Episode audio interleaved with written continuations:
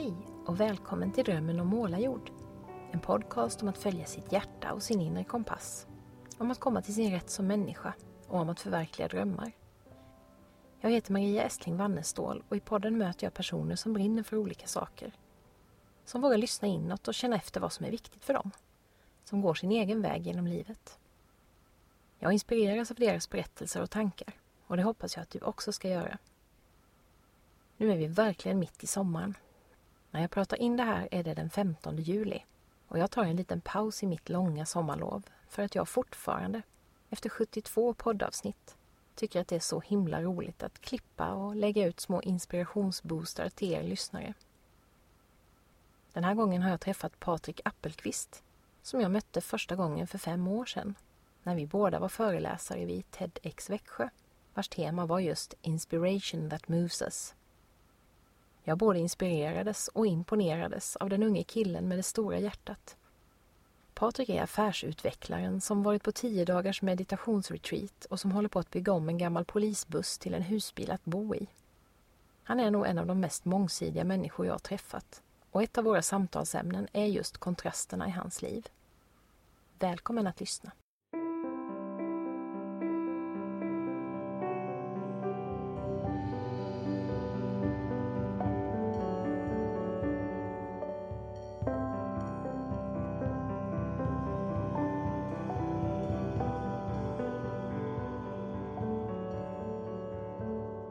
Tänkte börja med att säga grattis till dig. För du har ju precis klarat teoriprovet på lastbilskörkortet. Ja. Ja, hur ja, känns det? Ja, tack så mycket. Nej, men det känns jätteskönt. Mm. Alltså det, jag, jag tog mig ju en vecka off bara för att göra den grejen. Och att gå och skriva och sätta den är ju fantastiskt. Underbart. Så du klarade det på första försöket? Ja, jag gjorde ju det. Ja. Jag trodde inte jag skulle göra det. Nej. För det var, det var, jag kände inte riktigt, jag har en sån app som jag pluggar med. Och sen hade jag klarat 10 prov på raken. Men sen var det de tre sista jag gjorde innan jag gick och skrev, klarade jag inte. Så jag kände, nej det här kommer inte gå vägen. Nej. Men eh, det gjorde det. Det gjorde det. Ja. Ja. Och det finns en speciell anledning till att du ska ha det där. Ja men det gör det verkligen. Det gör det verkligen. Ja, vi ska prata mer om det sen, men du kan ju bara Mm. nämna vad det handlar om. Nej men det är, det är så att jag har ju köpt en eh, buss, Mm. gammal Merca-buss, som ska bli mitt hem. Och den väger lite för mycket för att jag ska få köra den på B-kort. Yes. Mm. Häftigt. Mm. Ja, det där är en, en spännande dröm som jag tror att du delar med ganska många faktiskt. Och Mm. det ska vi prata mer om. Men jag tänkte börja i en annan ända. Vi träffades ju du och jag eh, första gången för nästan exakt fem år sedan. Ja, det Visar det sig, såg jag nu här. Eh, för då höll vi föredrag båda två på TEDx Växjö. Ja. Och eh, du pratade om, ja, om din livsresa, livsfilosofi och om ditt projekt med gatubarn i Nicaragua som jag också Mm. tänkte att vi ska prata om. Och ganska mycket har hänt på de här fem åren, både i ditt liv och mitt liv tror jag. Mm. Och du har ju stått på min lista, det är ju ganska roligt det här, för du har stått på min lista egentligen ända sedan jag startade podden. Okej. För jag minns det där föredraget du höll Ja, och ja, tänkte wow, det där var ju en kille som skulle passa in här i podden.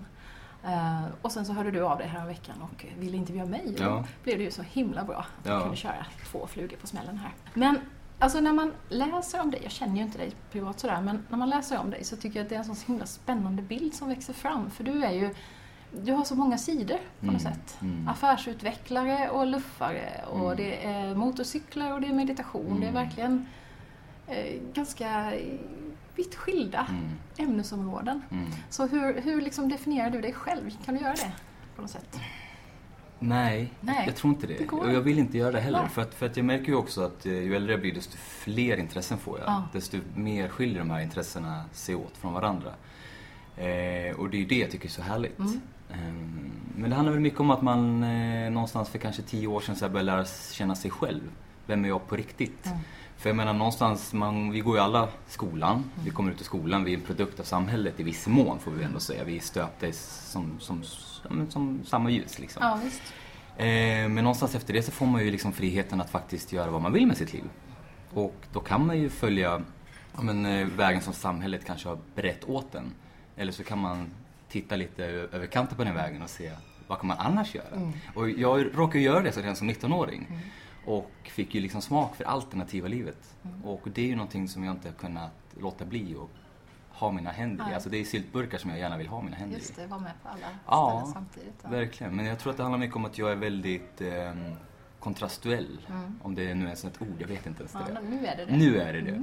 Mm. Eh, och jag gillar kontraster. Ja. Jag gör det. Jag tycker det är jättehäftigt eh, med människor som eh, överraskar. Du har säkert också sett Shark Tank eller eh, de, eh, de programmen som handlar om entreprenörskap där de går upp och pitchar sina idéer och sånt. Det var ju bland annat en man som jag aldrig kommer glömma. Han kom upp för trappan då som det är till de här drakarna som sitter och väntar på hans affärsidéer. Och, och han är en rastafari man, så han kom upp med stora dreadlocks och sådana grejer. Och man tänker, vad ska det här bli? Du vet? Man var skeptisk liksom, man tänkte det här blir ingenting.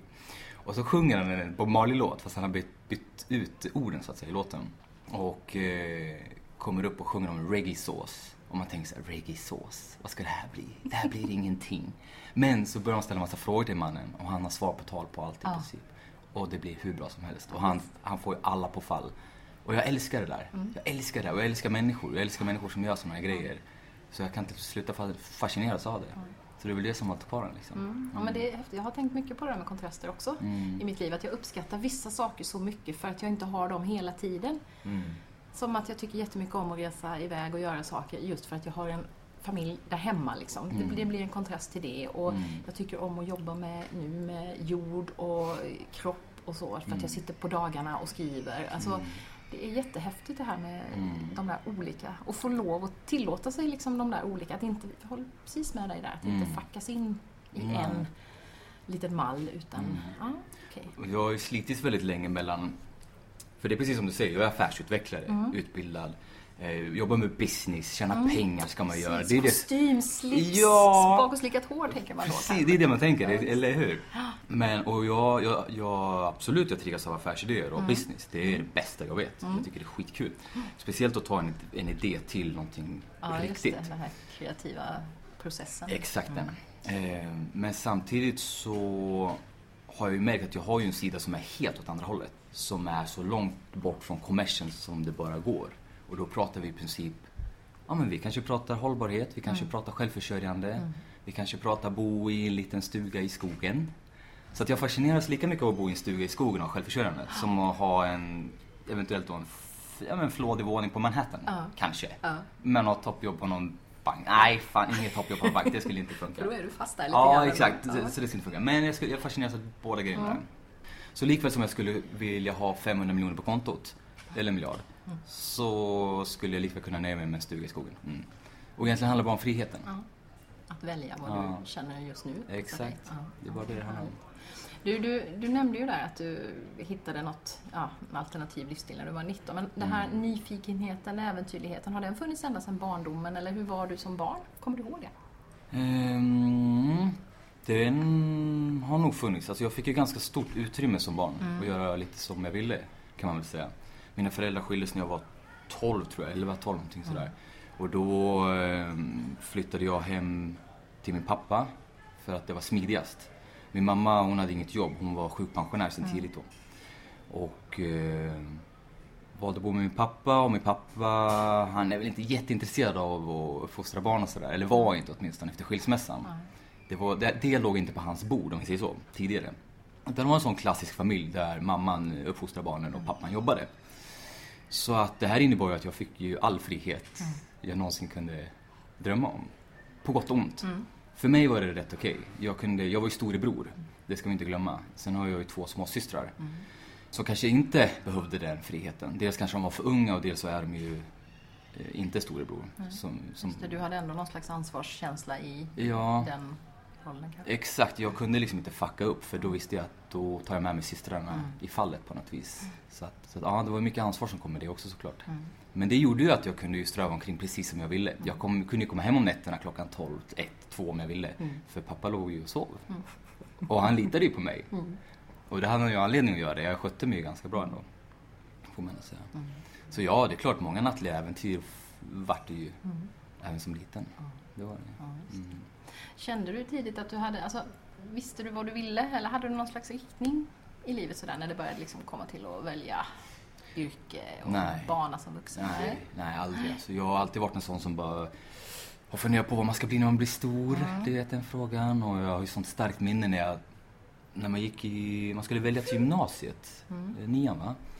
Och eh, då fick man ju gå och träffa den här inte kuratorn, man Mm, kallas han? studievägledare. va? Studievägledaren var det ja, precis. Kommer in där och jag tänker, fasen vad gött att träffa den här kvinnan för hon, hon ska ju berätta Hon för har mig. alla svar. Ja, visst du vet. Så jag tänkte, nu kommer hon berätta för mig vad jag ska göra. Hon kommer kolla på mitt betygsdokument och säga, Patrik du ska bli det här. Ja.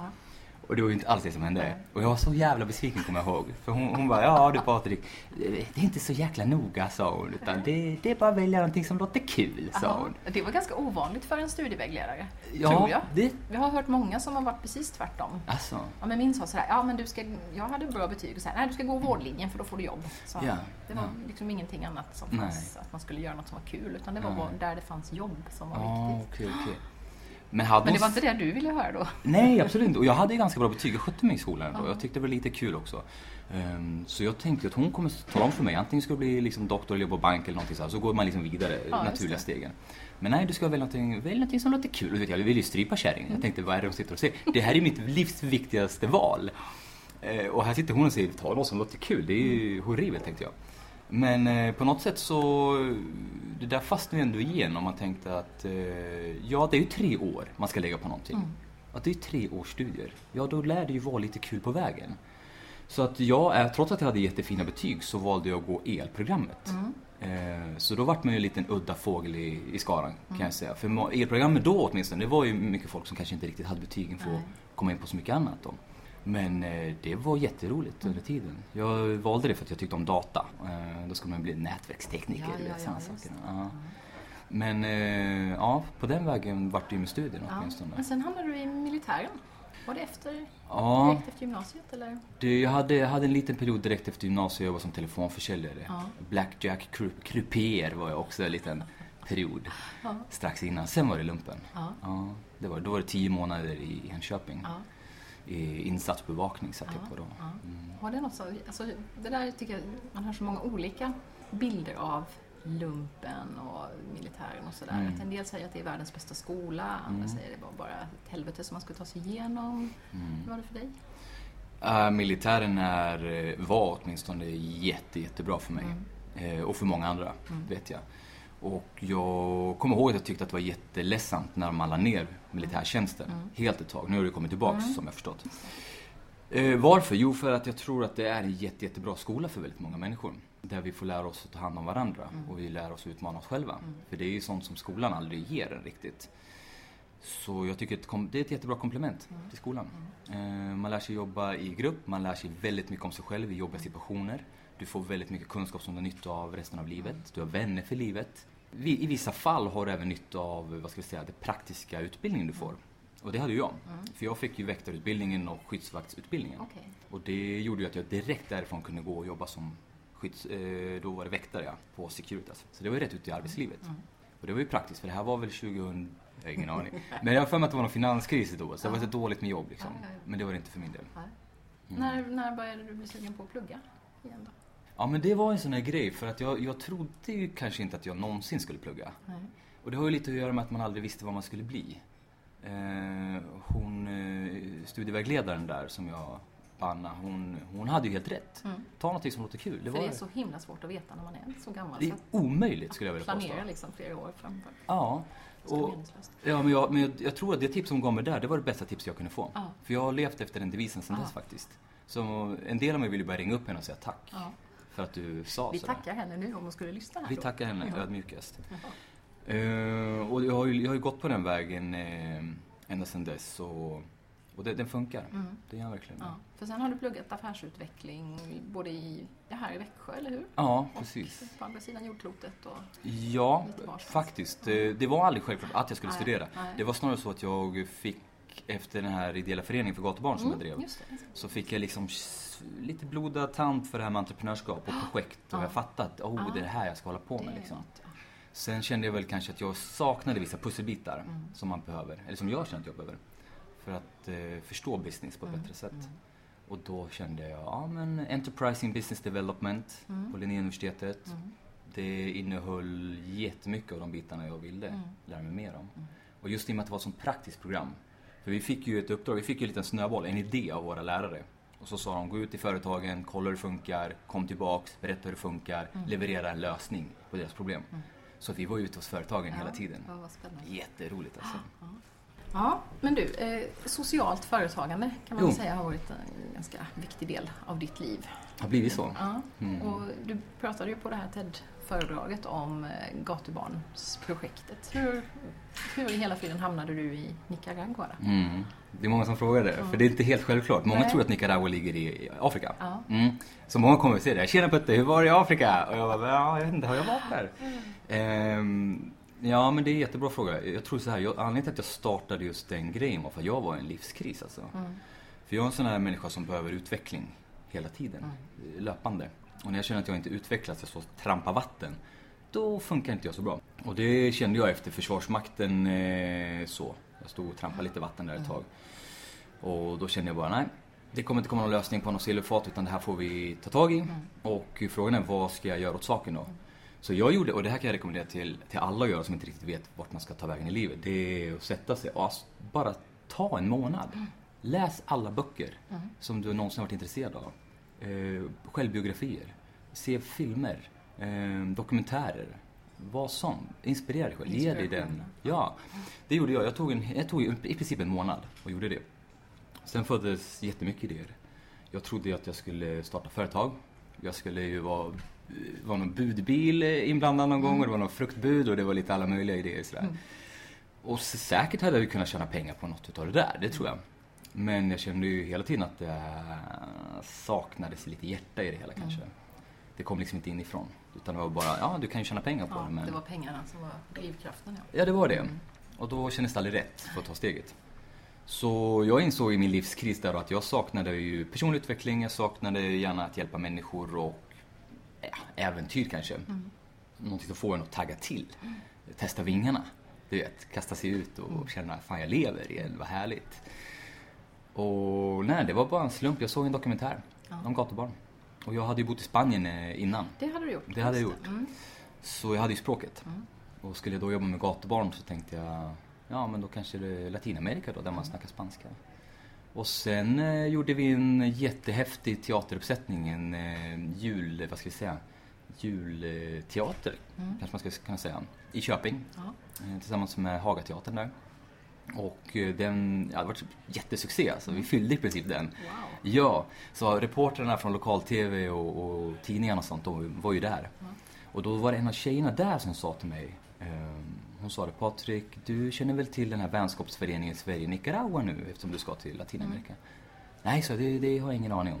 Men då sa hon, "Ja, men prata med dem för att se, de kommer kunna hjälpa dig och så. Och då den vägen förstod jag att li- liksom Nicaragua är Latinamerikas fattigaste land och är det någonstans man ska hjälpa till, då är det ju där.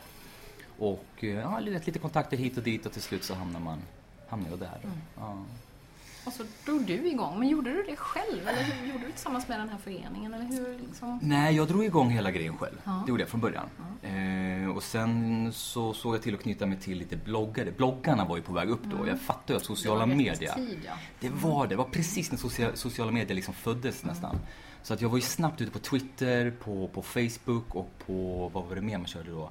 Ja, det var ju främst Twitter och, och Facebook. Så där var jag väldigt aktiv och fick jättemycket bra kontakter. Och eh, lyckades knyta till mig lite företag, bloggare, eh, den här teatern då.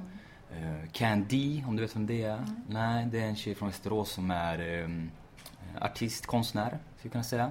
Hon designar en jäkla massa häftiga grejer, sätter på t-shirts och sånt. Så hon och jag gjorde ett stort samarbete och så pengarna För det gick till föreningen. ja, och det blev t-shirts av det här. Till slut, efter mycket om och men. För det, och det, ja precis. För visste du liksom innan vad det var du skulle göra det? Hade du planerat allting sådär? Eller hände det under tiden? Ja, det hände under tiden. För jag, det, här, det var verkligen så här, jag kastade mig ut bara, så får vi se hur det går. Eh, och det, det var väl lite det som var lite härligt, just det med personlig utvecklingen. Eh, för det fick jag väldigt mycket om, när jag väl började. Du lärde dig en massa Ja, du vet, jag lärde mig bygga hemsidor. Jag lärde mig designa i Photoshop. Jag lärde mig marknadsföring. Jag lärde mig kontakter mot andra organisationer, företag. Alltså det, ja, den resan var ju häftig. Lika bra skola som någon. Ja, alla som har startat en förening eller ett företag vet ju vad jag pratar om. Och alla som funderar på det, de, de vet vad de har framför sig och det är helt fantastiskt. Och idag då? Har du fortfarande, du är fortfarande involverad i det här företaget som säljer t-shirts och sådär nu? Eller? Ja, på sätt och vis. Det var ju ingen, det var ju ingen det var ingen rak resa Nej. fram dit utan tvärtom. Jag hamnade på den här soptippen då mm. till slut med de här människorna som bodde där i Nicaragua. Mm. Och det var ju 1500 personer som bodde där och en helt vansinnig plats om du mm. frågar mig. Det här var ju 2012. Att, att folk ens bor på en soptipp 2012 var ju helt, helt horribelt. Men jag kom ju dit med den ideella föreningen då och en påse pengar som vi hade samlat in. Mm. Och min uppgift var ju att hitta en liten organisation som vi skulle kunna stötta då. Och jag hade två organisationer på tippen där som jag tänkte, det här kan nog funka.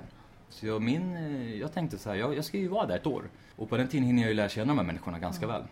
Och när året är slut så tar jag beslut om vem som ska få de här pengarna. Och kanske blir någon utav dem, kanske ingen. För Latinamerika, eller Nicaragua, är ju som många andra länder, det är mycket mm, korruption mycket. och sånt. Mm, Men eh, till slut så bestämde jag mig för att en liten organisation där ska, ska vi finansiera, mm. eller hjälpa deras projekt. Mm. Och det var nog kanske ett år när jag hade varit där. Liksom inspirerad av andra företag eller andra organisationer i, i området som hjälper människor. Så hade jag också sett att välgörenhet i all ära, det är fantastiskt. Särskilt när det är krissituationer. Um, men det var det inte på soptippen. Nej. Vi måste komma ihåg det. Alltså, ja, folk var extremt fattiga men det var ingen krissituation. Nej, det var något mer kontinuerligt ja, elände. Exakt, för de hade en liten stadsby som funkar. Mm. De hade sin lilla kiosk, de hade sin lilla kyrka, de hade mm. sin lilla komedor där man äter mm. mat och sådär. Och det var inte någon som var särskilt sugen på att dra därifrån. Nej. Man var rätt, inte stolt ska jag inte säga, men man var ganska så här, la chureka liksom, mm. som det heter. Det är vårt place. Och, men idén som föddes i mig efter ett år, det var ju det hur kan vi hjälpa till ännu mer? Mm. För jag lärde mig ju snabbt att människorna där behöver ju arbete. Mm. Och det är där t-shirtmärket, ja. klädmärket kom in i bilden. Då. Mm. För då tänkte jag, ja men eh, jag som var inspirerad av människorna och deras berättelser, tänkte vi kanske kan göra någonting där. Vi kanske kan berätta de här människornas stories mm. via kläder. Som vi producerar i Nicaragua och säljer i Sverige. Mm. Och det var, det var då jag anställde två killar i Nicaragua mm. och körde den grejen. Alltså det är den här idén att göra, alltså inte komma och göra något åt någon utan istället få igång någonting som sen kan drivas eh, av dem själva och, och ge inkomster och sådär. Ja men precis, och där har du lite av det sociala företagandet precis. också. Som skiljer sig lite grann från kanske den ideella verksamheten mm. som ofta bygger på bidrag ja. från någonting. Det. Eh, det. sociala företagandet handlar ju mer om att faktiskt få upp en verksamhet mm. som är hållbar mm. ekonomiskt. Mm. Som inte baseras på donationer kanske. Jag hittade också att du hade gjort något som heter Aktiv svenska. Ja, ja, visst. Det blev jag ju nyfiken på som har jobbat lite med integration och så här i, i Växjö. Vad, mm. vad var det för någonting? Det var också socialt ja, företagande, eller hur? Det blir ju så. Jag har ju haft jag har liksom hamnat i de där projekten. Ja. Det måste säga en del eh, om mig som person, vad jag ja, dras till tror jag. Ja, Men det var när jag var student första året på Linnéuniversitetet. Mm. Då drog Drivhuset igång en jäkla bra grej som mm. de kallar för, det har jag glömt namnet på nu, men i princip var det studenter som istället för att åka hem och jobba på ICA får liksom nyttja sin kompetens. Ah. Sin nya kompetens från sin utbildning. Yes. Och då hade de dragit dit företag, investerare och lite alla möjliga personer från näringslivet som hade som projekt som lämpar sig bra för studenter mm. under två månader, tre månader kanske. Och jag fick då förmånen att jobba med en investerare från, från stan som hade en idé om att SFI kanske inte fungerar optimalt. Det kanske inte är digitaliserat nog mm. och vi kanske skulle kunna effektivisera det här med en digital produkt. Så att jag fick då ansvaret att eh, undersöka, egentligen marknadsundersökning kan man väl säga och det var något som ingår i mitt program. Och sen eh, ta reda på hur skulle vi kunna eventuellt lösa det eventuella problemet. Mm. Så. Så att eh, ja, det slutade med att eh, vi insåg att eh, SFI kanske inte funkar så bra som det borde. Mm. Och det finns ju en hel del strukturella problem där som kanske, ja, det blir för mycket för att gå in på just mm. nu men... Ja men visst, det är jättekomplext. Det är jätte, jättekomplext.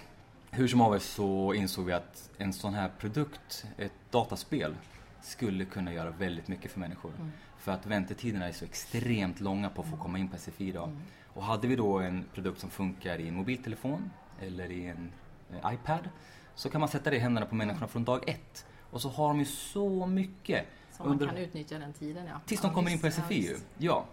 Eh, så den, den resan gjorde vi och vi koncept, jag konceptualiserade det där i princip och vi, ja, vi, vi vann ju inte Venture Cup men vi kom väldigt långt i ja, Venture Cup. Ja, för det, du har fått, det har ju gått bra också för de här idéerna du har haft. Du har fått priser och du har varit eh, involverad ja. och sådär så det har ju mm. varit bra saker helt mm. klart. Det har gått jättebra. Ja, mm. Mm. Ja. ja, du har ju bott utomlands ganska långa perioder, eller hur? Mm, Och på mm. flera olika ställen. Nicaragua, Nicaragua har vi pratat om. Eh, Spanien sa du. Vad gjorde du i Spanien förresten? Pluggade du där? Eller? Ja, precis. Ja. Det kan man säga. Jag, jag, jag var ju 19 Ja, när jag flyttade ner dit. Tidigt, Ja, det var det. Jag pluggade spanska i tre månader. Mm. Eh, Jag ville lära mig italienska från början, Ja. för jag har ju italienskt blod Ah, ja, ja. på mammas sida då. Mm. Min morfar var från Florens. Aha. Så jag tänkte att jag ska ner och lära, liksom, lära mig språket. Mm. Så jag kan komma hem och lära känna min morfar, för han bodde i 60 år i Sverige utan att lära sig svenska. Ja, ja, Återigen pratar vi SFI. Ehm, Men mamma sa det, nej men ah, det är bättre att lära dig italienska, eller det spanska då kanske, Ja. för det är ett större språk och så. Lite mer användbart i världen. Ja, så. precis. Det var vad hon sa. Sen tyckte inte hon att eh, morfar var sådär jättetrevlig som jag trodde Nej. att han var. Så att det är bättre att lära dig spanska tyckte hon. Ja, så på den vägen var det. Men Fast- ja, ja. jag pluggade tre månader heltid där nere i Marbella. Ja. Och egentligen varför det blev Marbella, det var ju bara för att det var 320 soldagar om året. Ja. Det var ju inget annat. Nej. Man är ändå född i Sverige. Ja, men eh, sen så träffade jag en kille från eh, Sverige som heter Filip och en tjej från Norge som heter Hanne. Jättehärliga människor och vi fick ju blodad tand på det livet. Mm. Alltså tänk dig 19 år i Marbella, det Ja, var ju himlen alltså. Där fanns det ju inga krav. Det var ju bara fest. Så att vi pluggade ju spanska och festade. Mm. Eh, sen tog ju de pengarna slut. Men vi bestämde oss för att vara kvar i Spanien. Så att vi flyttade in i en lägenhet på Ricardo Soriano mitt i, i Marbella Mm. och började betala hyra på så här, 12 000 i månaden. Och det gör man bara så länge när Ja. man är student ju. Sen var det ju kris. Då var det dags att dra in pengar. Ja. Men det här var ju liksom i början på året, typ februari-mars. Det är inte så mycket turister i Marbella då. Så att eh, jobb finns ju inte heller. Så att eh, Filip lyckades på något sätt lura till sig ett jobb som bartender. Fick ju sitta hemma och lära sig blanda drinkar då. Hanne var inkastade på Mambo, som klubben heter där nere.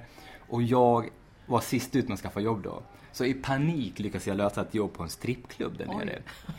Så ja, det, där Det började var vi... lite spännande blandade erfarenheter då. Ja, det kan man lugnt säga. Så det var ju det var en jävla resa. Ja, Mm. ja, verkligen. Och sen har du varit i Kina också, eller hur? Ja, jag, jag var i, precis i Macao där i ett halvår, Ja. pluggade också. Mm. ja. Men sen har du kommit tillbaka till Sverige efter alla dessa Mm. tripper åt olika håll. Ja, precis. Och det var egentligen inte meningen att jag skulle komma hem till Sverige. Nej. Det var lite av en tragedi som gjorde att jag var tvungen att flytta hem igen faktiskt. Mm, Det var så att eh, jag var i Nicaragua för lite mer än ett år sedan då. mm, Nästan precis ett år sedan. Och plötsligt så ringer min syster en dag när jag sitter hemma på rummet och mm, vi hade ju pratat i dagarna och sådär och jag tänkte vad har hon nu på hjärtat så. Och jag hör ju att det, det är ju någonting i hennes röst. Men Cissi är sådär, hon brukar ringa mig och låta väldigt allvarlig. Sen Mm. är, så, är hon gravid eller någonting och det är Ja. väldigt häftigt istället.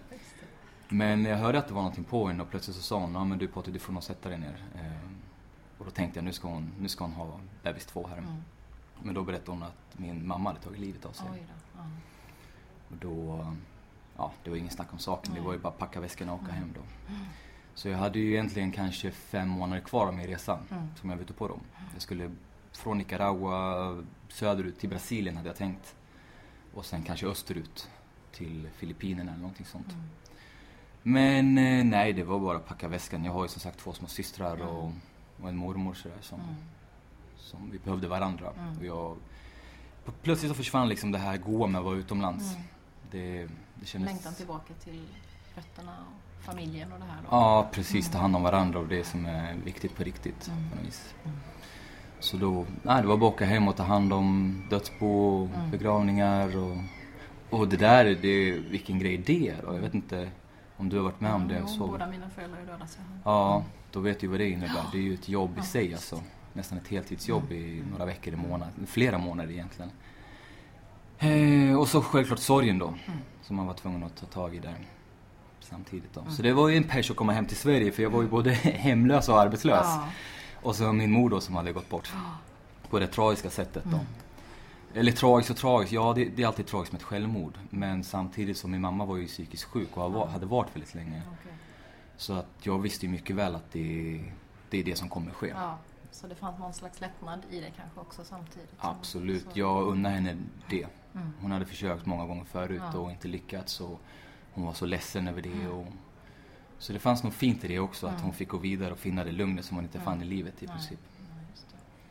Så, och det innebär ju, vad ska vi säga, för oss barn så innebär det ju också att vi, vi har gått runt med en stor sten i vårt bröst hela Mm. vårt liv. Såklart. För att vi visste att det här kommer hända någon gång. Mm. Nu har det hänt och nu Ja. har den stenen släppt och vi kan fortsätta med våra liv Mm. utan den ångesten och så.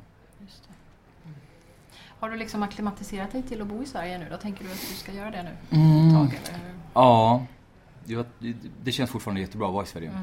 Det gör det. Ehm, jag har inga planer på att sticka utomlands Nej. och nu när jag håller på med husbilen Mm. så absolut, det är klart jag kan ju dra ner till Portugal eller Spanien om det skulle bli Mm. för kallt i vinter. Det kan jag Just göra. det. Just nu har vi ju haft två veckor av konstant nästan 30 grader så nu är det nästan sådär att man längtar lite efter regn också. Ja, exakt. Men nej, jag trivs jättebra i Sverige och jag känner så här, jag har varit borta så mycket från Sverige och jag, jag känner inte riktigt mitt eget land. Nej. Eh, Och det är många som instämmer med mig där. Mm. Att man åker hellre till Spanien eller Kreta eller liknande men man åker ju inte till Bofors Nej. eller Strömstad Nej, och utforska vad som finns där. Eller Säffle. Eh, Och det hade varit skitkul att göra. Så att nu, nu känner jag så här, jag ska bo i husbil permanent. Jag, ska, jag ska ut och upptäcka Sverige. Mm. Mm, det ska jag. Då är vi ju inne på detta med putte på luffen då. Yes! Yes, spännande projekt. Och du, du har haft en dröm om det där med husbil Ja. i många år. Då måste jag bara berätta att jag var ju delägare i en gammal Folkabuss en gång för Aha. jättemånga år sedan. Min äldsta dotters pappa och jag hade en. Men det var en sån här bil som vi började liksom inreda och göra jättefin med gardiner och så. Men sen skulle vi ut och åka med den och då gick den i 10 kilometer runt kvarteret och sen så bara la den av. Så då insåg vi att nej, Ah. vi var fattiga studenter så vi hade inte råd att renovera upp den. Men det har funnits en sån dröm och jag minns den där när jag tittat på din vlogg här nu. Så just den där känslan av att åh, allt det här finns här och jag kan Mm. göra någonting med det här compact living-tänket. Och så. Så det är jättehäftigt. Men Mm. vad, vad, vad, är det, vad finns det i din dröm? Vad, är, vad kommer den ifrån? Eller ser den ut? jag, skulle vilja se, jag skulle nästan vilja säga att mitt, mitt liv som jag lever nu är min dröm. Mm. Jag lever min dröm faktiskt. Och det är en läskig, läskig tanke. Nästan. Att man är där. Mm. Att det inte finns någonting kvar liksom som Ja, precis. efter. precis. Och, och I grund och botten tror jag det bara handlar om att jag har ju länge sökt ett sätt att leva som funkar för mig. För jag har insett att det här Svenssonlivet är inte riktigt för mig. Ehm, barn och hus och ett fast jobb som många drömmer om. Det, jag ska inte säga att det är min värsta mardröm, det är det inte. Men det passar inte mig. Nej. Jag behöver mycket mer stimulans, behöver mycket mer eh, frihet Mm. än så. Och därför har jag under de senaste åren levt lite nomad, skulle man Mm. kunna säga. Med mina resor på min motorcykel. Mm. Eh, eller utan motorcykel också för den delen. Couchsurfat och bott utomlands som sagt. Mm. Ehm, så Putte på luffen handlar ju egentligen bara om att jag designar mitt liv Mm. så som jag skulle vilja leva mitt liv. För jag har chansen att göra det, jag har möjligheten att göra det. Jag är ju entreprenör och affärsutvecklare. Jag kan ta uppdrag vart som helst i hela Sverige. Mm. Ja. Eh, På projekt, I projektform i princip då. Jag kan jobba väldigt intensivt en månad med, med ett sånt projekt och leva på det i fyra, fem, sex månader Ja. sen.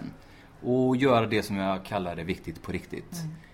Där det handlar om att eh, meditera, Mm. palla äpplen, cykla enhjuling Mm. kanske. Lära mig om Arduino, vad vet jag. Vad är det? Ja, vad är det? Precis. Nej men jag kommer tillbaks på, på alla mina intressen. Ja. Jag har så jäkla mycket intressen. Ja. Och det finns så jäkla mycket roliga grejer att göra där ute. Så att, eh, och jag känner att det, det, jag har jättemycket vänner som, som är fast, fast säger jag nu, det är många som gillar det också, men många är fast i den här karriärstegen. Mm. Man vågar liksom inte bryta sig loss. Många kommer ju hem från jobbet och är helt slut och sätter på TVn, somnar framför TVn, går upp dagen efter och sen håller man på sådär. Mm. Och så ja, på lördagen kanske man har lite energi för att göra någonting. Och jag känner bara, nej, jag vill inte ha det där. Nej. Och jag vill inte heller ha, åka till Thailand två veckor per år för att sen komma tillbaks till ett jobb och fortsätta i den takten. Livet är det som pågår nu, Mm. varje dag. Och, och jag känner så här, har jag möjligheten att jobba mindre? Mm. Varför skulle jag jobba mer? Nej.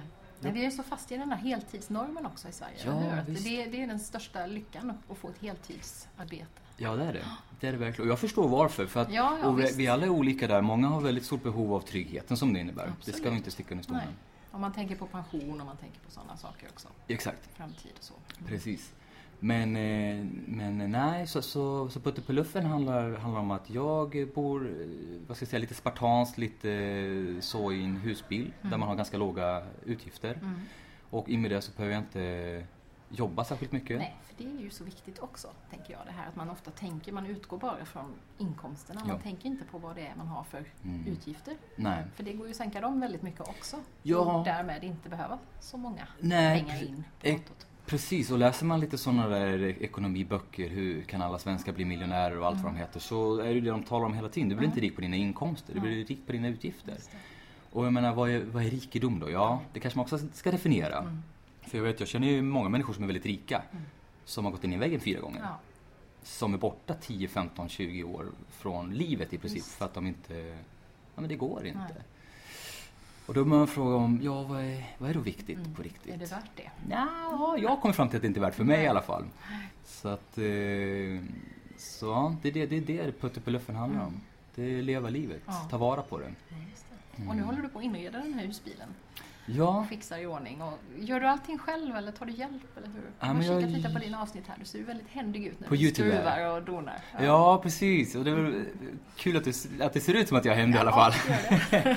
Eh, ja, ja, men jag är lite Ja. det, det skulle jag vilja påstå. Och du har en elbakgrund också, för jag tänkte Ja. när du drog slangar, sladdar och sånt där också. du- Precis, du jag har ju lite basics Mm. där, det har jag. Det. Men det är helt sant, husbilen är ju helt tom. Det har varit en gammal polisbil. Mm. Det är en. Merca Mercedes-Benz 410 heter den. Den är helt tom nu. Mm. Det finns ingenting i den. Polisen har haft den som ett, någon sambandscentral Ja. tidigare bara. Och eh, nu, eftersom jag har lite speciella behov då, så måste man nästan bygga det här själv. Mm. För jag ska ju bo i den året runt, dygnet runt. Mm. Det är inte en sommarbostad så att säga.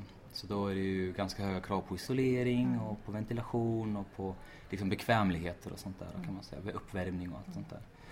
Så att jag har ju lite att göra i sommar om Mm. Men då så. kan du också styra det så att den blir precis så som du Ja, behöver och vill ha den. precis. Ja. Ja, det är ju det är sånt här, tror jag, drömprojekt för många. Mm. Att få göra någonting där man Mm. får liksom skapa sitt eget Mm. Och det blir ju som du sa också, det blir liksom en slags minimalistisk livsstil. För du har ju också gjort dig av med en massa prylar Mm. då för att kunna ja, verkligen bo i den här bilen och inte ha massa grejer någon annanstans då antar jag. Mm. Ja, exakt. Och det har ju varit en resa som jag har varit på i många år. Ja. Varje gång jag flyttar utomlands så har jag ju ofta sålt min lägenhet eller bytt bort min lägenhet och eh, sålt mycket grejer. Ja, Sen har jag ju mycket grejer kvar. Mm. Jag har ju mer grejer än vad jag får med mig i husbilen. okej. Så att jag, jag har ju en runda framför mig Ja. där jag får börja sälja av igen.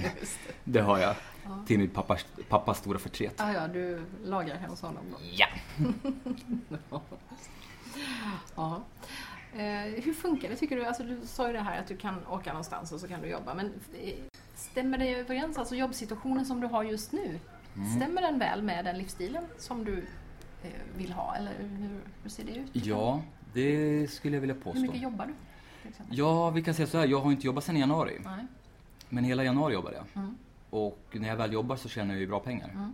Så Så de kan jag leva du på. just leva på dem några månader och hålla på med. Ja, för jag har ju räknat lite grann på det. Jag tror jag klarar mig på ungefär 6 000 kronor i månaden. Ja. Och eh, det är inte så mycket pengar. Nej, då kan man Faktiskt. jobba en månad och klara sig ganska länge på det Ja, precis. Jag, jag skulle ju kunna ta ett uppdrag, låt säga att det är ett uppdrag som sträcker sig över en månad. Så kan jag ju ta tre sådana per år då. Ja. Så är, det, så är det lugnt sen. Och just i och med att jag kan röra mig vart jag vill med husbilen så kan jag ju ta ett uppdrag vart som helst Ja, också. Så det är ju det. väldigt praktiskt. Vad gör du när du gör de här uppdragen då? För då är du affärsutvecklare. Då hjälper Mm. du till att få en idé till verklighet, eller hur? Vad är liksom... Ja, affärsutveckling är ju Mm. ganska brett. Det kan ju vara lite vad Mm. som. Jag har jobbat med allt från väldigt små bolag till Mm. tidiga, tidiga bolag. Alltså vi kanske snackar på idébasis. Mm. Eh, vi snackar skriva affärsplaner, sådana saker, jobba med affärsmodeller. Eh, till tillväxtbolag Mm. som behöver ta nästa steg, växla upp. Till skriva EU-ansökningar Mm. till kommuner som vill utveckla sina verksamheter. Eh, till det jag gör nu, jag jobbar med en investerare i Stockholm, eh, i Köping, förlåt. Som eh, vill ha, starta en, någon typ av fysisk mötesplats för eh, entreprenörer Mm. uppe i Köping där jag kommer ifrån. Och det var därför jag kontaktade Ja, dig, för jag vet att du har lite, lite, in, ja, du har lite Mm. input där som Mm. jag skulle vilja plocka. Så ja, allt däremellan kan man säga. Mm. Så det är ganska varierade arbetsuppgifter Mm. och, och ja, delvis ganska fritt då i alla fall, även om det är klart, en EU-ansökan ska ju se ut på ett visst sätt. Men, Mm. men du får ändå vara med i kreativa processer och Mm. få utlopp för Precis, och, av din kreativitet. ja, och oftast har det blivit då att det är väldigt hårt arbete i en månad. Mm. Och det har jag absolut ingenting emot. Jag inser ju att en människa som jag som sitter så här och pratar i en podcast kan uppfattas som en, en slacker, Ja. en, någon som är arbetsskygg. Men det är jag ju verkligen Bara inte. cykla enhjulig hela Ja, dagen. ja visst, latcha runt. Men det, jag gillar att jobba. Ja. Jag jobbar otroligt mycket med mina egna projekt. Jag har ju... kommer lite moppe här. Åh, vad fin den var. Jag har ju hundra bollar i luften själv. Allt från affär, affärsidéer till liksom peng, saker som kanske inte alls genererar pengar. Och, um, och det ska det finnas tid för att göra. Mm. Det. Ja, jag tycker det, det är häftigt. Det är så kul att träffa människor som, som vågar tänka så. Ja, man kanske inte måste jobba varje dag utan man kan jobba en månad och sen är man ledig i tre månader. Det är ju också ett helt... Men det är ett annat sätt att leva och det är härligt när man hittar liksom, ja men så här vill jag ha det. Jag känner igen mig ganska mycket i det där just att kunna jobba ganska intensivt i perioder och sen så ta det lugnare i andra perioder. Mm. Så trivs jag också med att göra. Men Det passar ju inte alla och det är ju Nej. viktigt att komma ihåg. Men det, jag tror att det är många som skulle vilja tänja på gränserna åt olika håll och testa olika sätt. Men som kanske inte vågar det. Nej, och jag tror att vi, jag tror alltså på riktigt, tror att vi måste börja titta på alternativ. Mm, För att det jag ser i samhället idag, det håller inte. Jag vet inte hur många vänner och bekanta jag har som har gått in i väggen. Som har varit borta i tio år från arbetslivet, från, nästan från livet självt. För att de mår så dåligt av det. Och jag förstår inte vad det då är värt. Varför gör vi ens så? Varför är vi så elaka mot oss själva? Men du behöver ens de där pengarna? Hur viktigt är det egentligen? Nej, hur mycket kan du glädja dig åt dem när du liksom har tappat bort Ja. en stor del av ditt liv? Ja. Jag håller med dig fullständigt. Så vi måste, jag, tror, jag tror absolut vi måste hitta ett, något, något alternativ. Jag menar, jag har varit på mm, vad ska vi säga, entreprenörskapskretsar i, i Stockholm där man sitter och skryter om hur lite semester man har. Ja. För att det är liksom lite men coolt visst. att, Nej, det vad hårt jag- jobbar. Ja, ja, visst. Så var det ju på universitets, i universitetsvärlden också där man Mm. satt och skröt om hur många tentor man hade rättat i helgen. Ja. Och utif- alltså, det var ju ingen som sa att man skröt om det, men det blev ju ändå på något vis så att den som jobbar mest Mm. kommer längst in i himlen. eller Ja, så. visst, det, visst. Ja, nej. Mm. Men du, eh, något som vi delar också förutom den synen då på livet, det är ju intresse för meditation. Mm. Och det är ju också sådär härligt med motorcykelkillen med affärsutvecklaren som åker på Vipassana retreat. Just det. Berätta om det. Jag har haft några gäster som har varit eh, på det tidigare men det alla har ju sina olika upplevelser. Ja. Så hur vill du berätta om hur, Mm. hur var din väg in i meditation och Mm. stillhet? Alltså, jag har ju förstått, förstod för en fem år sedan att det är någonting bra. Mm. För att jag hade pratat med tillräckligt många kompetenta människor som jag ser upp till som bekräftar Mm. att det är någonting bra. Eh, Kristina Alser som var landshövding Ja, här i stan, hon så svarar ju så på frågan hur får du livet att gå ihop? Mm. För hon var ju så jäkla mycket runt Ja, och träffade människor och hade så mycket på agendan hela tiden. Jag tänkte, hur får hon ihop sitt liv? Och då sa hon, meditation. Mm. Och jag kände bara, ja men nu rinner bägaren över. Nu, Nu nu är det dags. Ja, men jag kände verkligen det. Så jag måste ge det en chans. Och då visste jag att jag skulle på den här lite längre resan då Mm. till USA och Latinamerika. Och då tänkte jag på den resan ska jag börja meditera. Jag ska lära mig meditation. Och eh, på den vägen var det. Mm.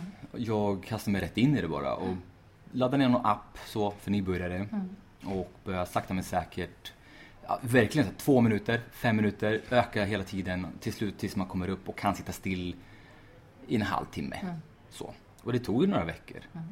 För att vårt huvud funkar ju så. Vi är ju vana vid att vara igång och göra någonting hela tiden. Så Ja. Bara sitta ner och Ja. vara tyst är svårt. Ja, alltså jag minns ju de första gångerna jag satte ju ett alarm då på fem minuter. Och jag hade suttit 30 sekunder. Så började jag liksom, när ska det ringa? Jaha, vad ska jag äta till middag? Jaha, ska vi tvätta kläder? Så, Ja, ja, men den där killen skulle ringa sen. Ja, just det. Och du vet, alltså man förstår ju hur huvudet snurrar på en. Hur ständigt, det bara, ständigt, ständigt. alltså hamsterhjulet. Ja. Otroligt. Mm.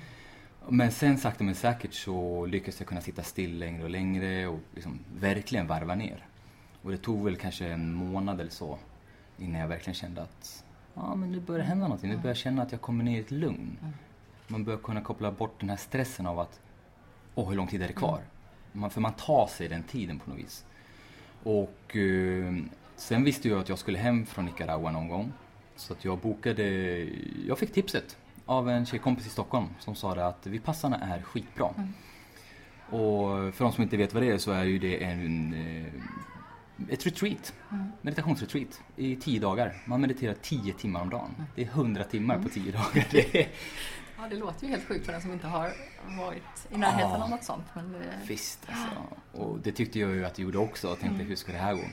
Men jag tänkte, ja vi, vi kör på. Vi kör på. Jag frågade mina vänner om, det, om jag hade tagit med vatten över huvudet. Men de sa, nej men det är en bra crash course. Gå dit och gör det bara. Och ja, det kan dyka upp massa hjärnspöken. Ja, det kan bli jobbigt. Eller snarare, ja det kommer bli jobbigt. I perioder. Men resan är, är värt det. Och det var ju kanon, för när jag kom hem sen så hade jag ju jättemycket med min mammas bortgång och Ja. sådana saker. Så att bara få en break från eh, alla de där sakerna var ju guld. Så att jag åkte till Ödeshög och satt där i, i tio dagar Mm. och mediterade i tio timmar om dagen. Och åt vegetariskt och gick och la mig när solen gick ner och gick upp när solen gick Ja. upp som man gör. Följer rytmen sådär också. Ja, Mm. inga telefoner, inga, ingen TV, inga nyheter. Det, det var jättebra. Mm. Jag hade en jättebra upplevelse. Det var, det var jobbigt första dagen för man sitter så länge. Det var jobbigt i kroppen Mm. Ja, emellanåt. det är det som har, jag har inte varit på något sånt här, men jag har Nej. ganska många vänner som har varit där. Men jag tänker just, jag brukar få ont i ryggen om jag sitter för länge. Mm. Så att, Fick jag också. Men, ja. men Alltså- du vande dig eller hur? Man- Fortsätter det göra ont och du bara lär dig acceptera det? Eller? Ja, faktiskt. Mm, Jag tror att det var tredje eller fjärde dagen. Då smärtade det på ordentligt. Det var väl inte kanske som man började gråta, men det var ju som man tänkte, hur fan ska jag sitta Ja. för att slippa smärtan? Och till slut insåg jag att det spelar ingen roll hur jag sitter, det kommer ju ont ändå. Jag får nog bara andas mig igenom det här. Och det är ju det man gör då. Och det var en häftig grej. Mm, lite som att föda barn i tio dagar sådär. Ja, kanske. Jag, jag kan inte relatera till det riktigt, men det, jag vet inte. Ja. Också mycket andas igenom smärta. Ja, precis. Och det, det, det gjorde ju en starkt, får jag ändå säga. Jag, idag har jag högre smärttröskel, tror jag, än vad jag hade då. Ja. Idag kan jag ha ont någonstans och det, jag kan koppla bort det. Ja. Och det kunde jag inte göra förut på samma sätt. Intressant, för det har jag tänkt mig. Jag har ju fått fyra barn Mm. utan, princip utan bedövning. Och jag har också tänkt att jag måste ha blivit bättre på att hantera smärta efter det. För jag har väldigt lite problem med det nu. Mm.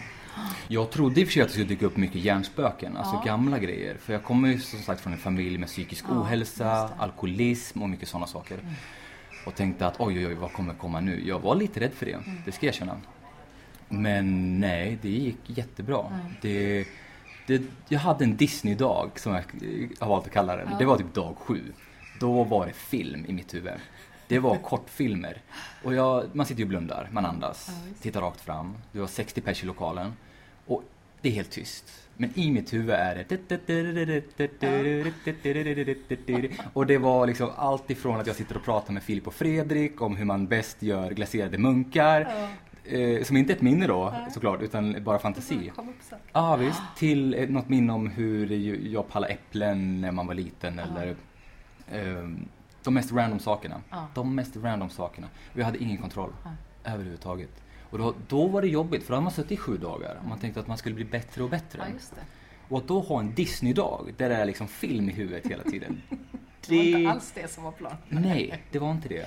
Så att det var ju lite så här, egot fick en liten törn Mm. på det. Men jag fick bara acceptera att okej, Mm. idag är det filmtime, nu kör vi. Ja, för det är ju det det handlar om. Hela den här grejen handlar ju om acceptans egentligen. Ja. Att acceptera att det gör ont, att Mm. acceptera att det är tråkigt, Mm. att acceptera att det kommer en Disney-dag. Att Mm. bara ta det som finns där Mm. och leva sig igenom det på något Mm. sätt. Ja. Absolut. Ja. ja, en dag ska jag vara där också, Ja, tänker jag. jag. Kan rekommendera det. Mm. Härligt. Om du skulle säga, vad är det allra bästa med ditt liv just nu? Vad tycker du? Vi har ju varit inne på en hel del av de tankarna kanske. Mm, det är nog helheten. Mm. Alltså det blir ju det. Det blir ju friheten. Mm. Friheten, ja men som nu, bara kunna komma ner till Växjö. Mm. Det, vi var i maj när jag kom ner. Det var, det var de bästa maj någonsin. Vi har slagit alla värmerekord någonsin i historien. Och att då kunna bara åka ner till Växjö och hänga med sin bästa polare och göra roliga grejer istället för att vara på jobbet, kontoret, vända papper, dra i spakarna. Så kunde jag ligga på stranden, cykla enhjuling, plugga teori till körkortet. Och, och inte skämmas och inte Nej. känna att jag är dålig, inte Nej. känna att jag borde göra något annat. Eh, För, för vi har ju mycket sånt på oss. Att om vi inte gör någonting så får vi ångest. Vi ska prestera väldigt mycket. Och jag tror att jag kommer så pass långt att jag kan njuta av att inte göra någonting. Jag vill tro det i alla fall. Sen kan jag också känna mig som en slacker om det går för lång tid. Jag får, nu känner jag att, att det ska bli skönt att komma tillbaka till Mm. Ja. Köping för att börja jobba på Ja, husbilen. just det. gör jag verkligen. Men just det, att kunna åka iväg när jag känner för, planera min egen tid. Göra precis vad jag känner för, i princip. Jag ska inte säga att det är total frihet, för jag har också ett ansvar gentemot min, min kund. Mm. Eh, gentemot mina medmänniskor, mina vänner och sådana saker. Men, men i stort kan jag ju faktiskt styra precis som jag vill. Mm. Jag, kan ju, jag jobbar ju hellre när det regnar om vi säger så. Mm. Mm. Då kan jag göra det då. Just det, välja dagarna. Men det har jag tänkt nu när det har varit sådär fantastiskt i maj och jag har Mm. börjat odla så mycket att ja men hädanefter kommer jag planera det så. Mm. Att i maj ska jag jobba mycket mindre för då ska jag vara i mina odlingar. Mm. Och ha den friheten att kunna göra det och sen kanske jobba lite mer i februari eller när man nu vill. Och framförallt inte jobba så himla mycket Nej. utan lägga Mm. upp det lite så. Mm. Mm. Och precis som du var inne på också det där att utgifterna, hålla nere dem så Mm. att man inte behöver dra in så mycket pengar. Mm. Det tror jag är en grund till väldigt mycket faktiskt. Mm. Hur tänker du om framtiden nu då? Kommer Ja. du åka runt i den här husbilen nu resten av livet eller Ja. tror du att du kommer längta utomlands igen så småningom? Eller? Ja, nej jag känner ju mig själv och det är, det är så svårt att svara på den frågan. Mm. Jag kan ju svara i närtid kanske. För jag jobbar ju så, jag jobbar ju egentligen bara ett år i taget. Ja. Så att i närtid, så ja, jag vill ha husbilen klar i höst så jag kan bo i den över Mm. vintern så jag inte fryser ihjäl. Nej. Det vore trevligt. Och sen eh, är jag nog gärna i husbilen. Jag kan nog tänka mig att köra den grejen i två år, kanske tre år. Men så känner jag mig själv, jag vet att jag kommer hamna i massa roliga saker på vägen. Mm, Just det. Bananskal. Dörrar, ja. ja, bananskal som kommer flygande som man väljer Ja. att halka på kanske. Som, som tar någon annanstans. Med husbil eller utan husbil. Jag vet inte det. Men jag kommer bo permanent i min husbil nu. Mm. Förmodligen två, tre år framöver. Och, och, och, och leva. Mm. Ja, leva. För det är så, jag har ingen planerad rutt Nej. runt om Nej. i Sverige i världen. Jag har ingen planerad... Ja, men vem, vem har det när man bor någonstans egentligen? Så att, att bo i husbil är ju precis som att bo i lägenhet, bara att du kan flytta den. Mm. Och jag har ju alla mina vänner runt om i Sverige, Europa. Mm. Och jag kan åka och hälsa på dem. Jag kan ta med mig jobbet. Fantastiskt. Ja, det är ganska gott. Jättehärligt. Mm. Och tack så jättemycket Patrik för att jag fick prata med dig i podden. Och du tror jag inspirerar många som kanske inte skaffar sig en husbil men som kanske vågar tänka lite utanför ramarna Mm, nästa gång de hamnar i ett sånt där vägskäl. mm, hoppas jag. Mm. Mm, tusen tack.